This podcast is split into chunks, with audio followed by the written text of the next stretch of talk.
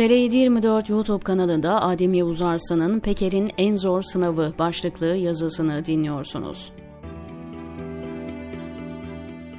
Suç örgütü lideri Sedat Peker'in açıklamaları gündemin ilk sırasındaki yerini koruyor videolarla başladığı, sonra da tweetlerle sürdürdüğü ifşaatları, itiraflarıyla Cumhurbaşkanı Tayyip Erdoğan'ın etrafındaki suç yapılanmasını bir bir deşifre ediyor. Nitekim ben bu yazıyı yazarken Cumhurbaşkanı danışmanlarından Korkmaz Karaca ve Serkan Taranoğlu sağlık sorunlarını bahane ederek istifa ettiler. Hatırlanacağı gibi Korkmaz Karaca hem Deniz Baykal'a yönelik kaset komplosuyla hem de Sezgin Baran Korkmaz'ın adının karıştığı yolsuzluk skandalı skandalıyla ön plandaydı. Peker, Karaca'nın akçeli işlerini, özellikle de kadın servisi gibi yüz kızartıcı işlerini ifşa etmişti. Diğer danışman Serkan Taranoğlu'nun kurduğu rüşvet çarkını da günlerdir anlatıyor. Peker'in ilk günden bu yana anlattığı konuların hepsi çok önemli. Özellikle 15 Temmuz döneminde dağıtılan, Suriye'ye gönderilen patlayıcılar ve silah dolu tırlar hayati öneme sahipti. Aynı şekilde Türkiye ile Latin Amerika arasında kurulan kokain hattından Berat Serhat Albayrak kardeşlerin suç yapılanmasına kadar çok önemli ifşaatlarda bulundu Sedat Peker. Dediğim gibi bunların hepsi çok önemliydi. Hiç şüphe yok ki Peker'in namus sözü diyerek seçimlere iki ay kala açıklayacağını vaat ettiği kasetler de çok önemli olacak. Ancak bugün itibarıyla çok kritik bir kavşak noktasına geldik. Sedat Peker şimdi gerçek bir sınavla karşı karşıya. Malum olduğu üzere 15 Temmuz darbe girişimi hala büyük bir muamma. O geceye dair bilmediklerimiz bildiklerimizden sorular cevaplardan fazla.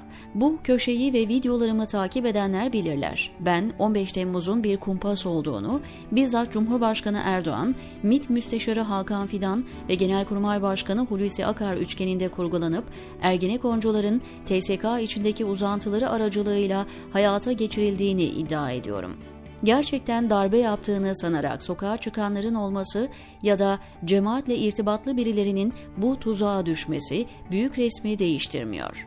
Bu iddiamın altını dolduran onlarca yazı yazdım, video yaptım. Hep söylüyorum, Türkiye yeni nesiller için temiz bir sayfa açabilecekse mutlaka 15 Temmuz'la yüzleşmek zorunda.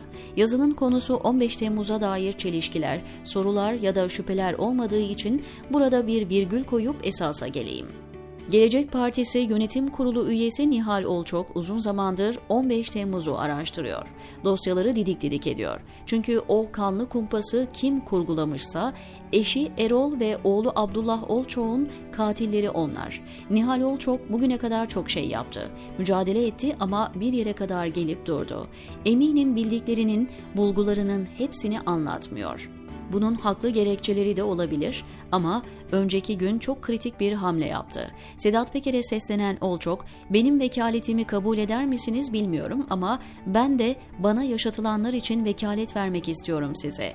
Ben başa çıkamadım, yorgunum, hem de göründüğümden çok daha fazla, dedi.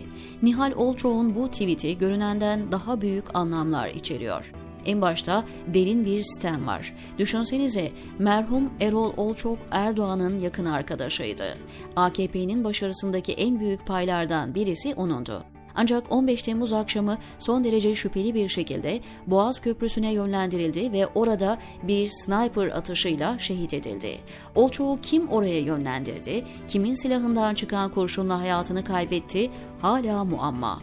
Nihal Olçoğ'a göre oğlu Abdullah da resmi tarih değişmesin diye suikaste kurban edildi. Olçok 15 Temmuz gecesi keskin nişancıları gören gaziler, tanıklar Türk ordusunda keskin nişancı olmadığı için devlet ve ordu mağdur olur diye ikna edilerek duruşmalarda susturuldu diye konuşuyor. Dediğim gibi Nihal Olçok 15 Temmuz'a dair çok çalışmış, kurcalamış ve bir yere gelip durmuş bir isim. Bu noktada Sedat Peker'e yaptığı vekaletimi alın çağrısı çok çok önemli. Peker de vekaleti aldı. Olçok'un bu teklifine bugün sosyal medya üzerinden cevap veren Peker, vekaletinizi şerefle kabul ediyorum.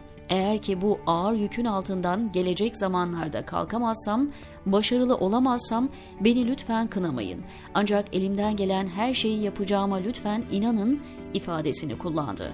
Gerçi bugüne kadar yaptığı videolar ve açıklamalarında görünen özgüvenden eser yoktu ama yine de namus sözü vermesi önemli. Ancak Peker'in işi hiç kolay olmayacak.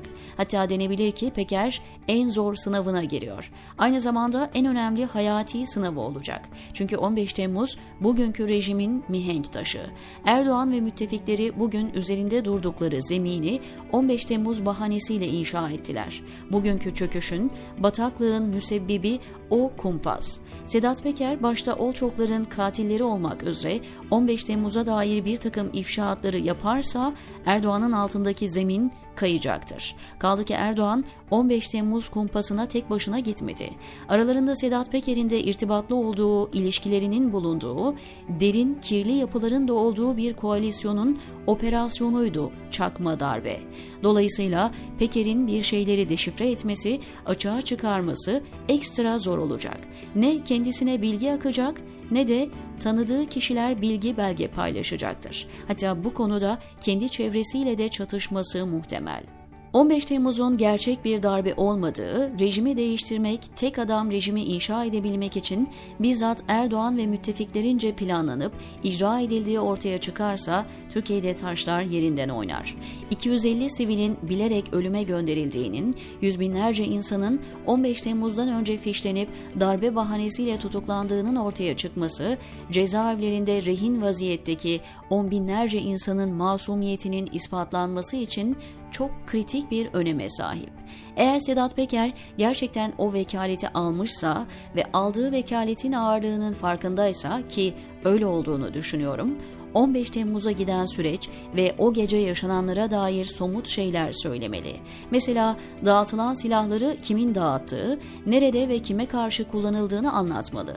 Sadece silahlar meselesi bile resmi 15 Temmuz hikayesini çöpe atmaya yeterli.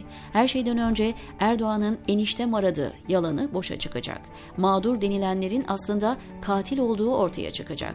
Ama önünde büyük engeller var. Kısacası Nihal Olçok'un vekaleti Sedat Peker'in en ağır sınavı olacak, diyor Adem Yavuz Arslan, TR724'deki köşesinde.